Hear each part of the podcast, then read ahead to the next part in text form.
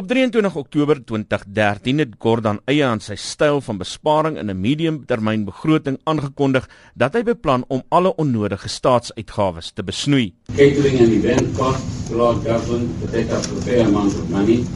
So new guidelines will be developed to reduce costs and we will be asking all government entities to ensure that they use government facilities more than outside venues for meetings.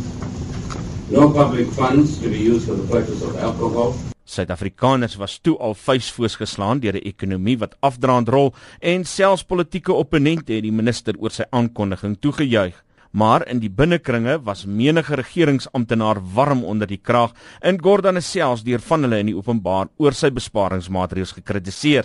Dit was die begin van Gordhan se einde as minister van finansies.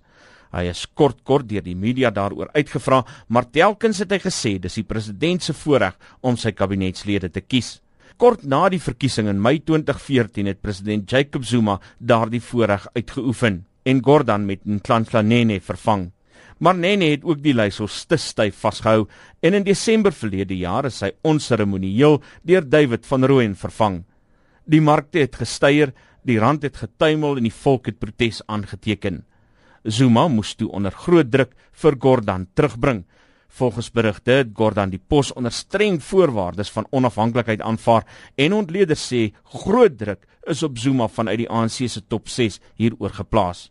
Toe Zuma verlede week sy staatsrede gelewer het, is daar selfs opgemerk dat dit 'n mini-begrotingstoespraak is met die oog daarop om die ekonomie te stabiliseer. In 2013 The Minister of Finance announced a number of cost containment measures. Excessive and wasteful expenditure has been reduced, but there is still more to be done to cut wastage. En die man wat daar agter sit, Pravin Gordhan, het laat nag op 'n kommersiële vlug in ekonomiese klas teruggevlieg Johannesburg toe. Iemand het foto's hiervan geneem wat die wêreld aan die praat het.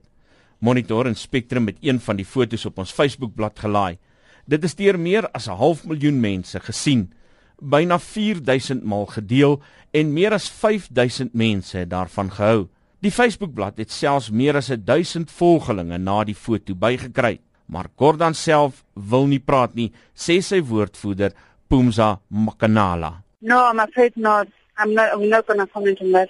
Even if it's a good story. I know, I know, uh, but I have not been given uh, permission to comment on that story. Is it possible that you can ask Mr. Gordhan if we can speak to him? He's very busy, so I doubt very much. I, I, I haven't even seen him today. He's in meetings. So I'm saying that you're not going to get comment from this side, I'm afraid, on that issue. Hoopelik werk die minister hard aan sy begrotingstoespraak vir volgende week. Isak Du Plessis, SABC nuus.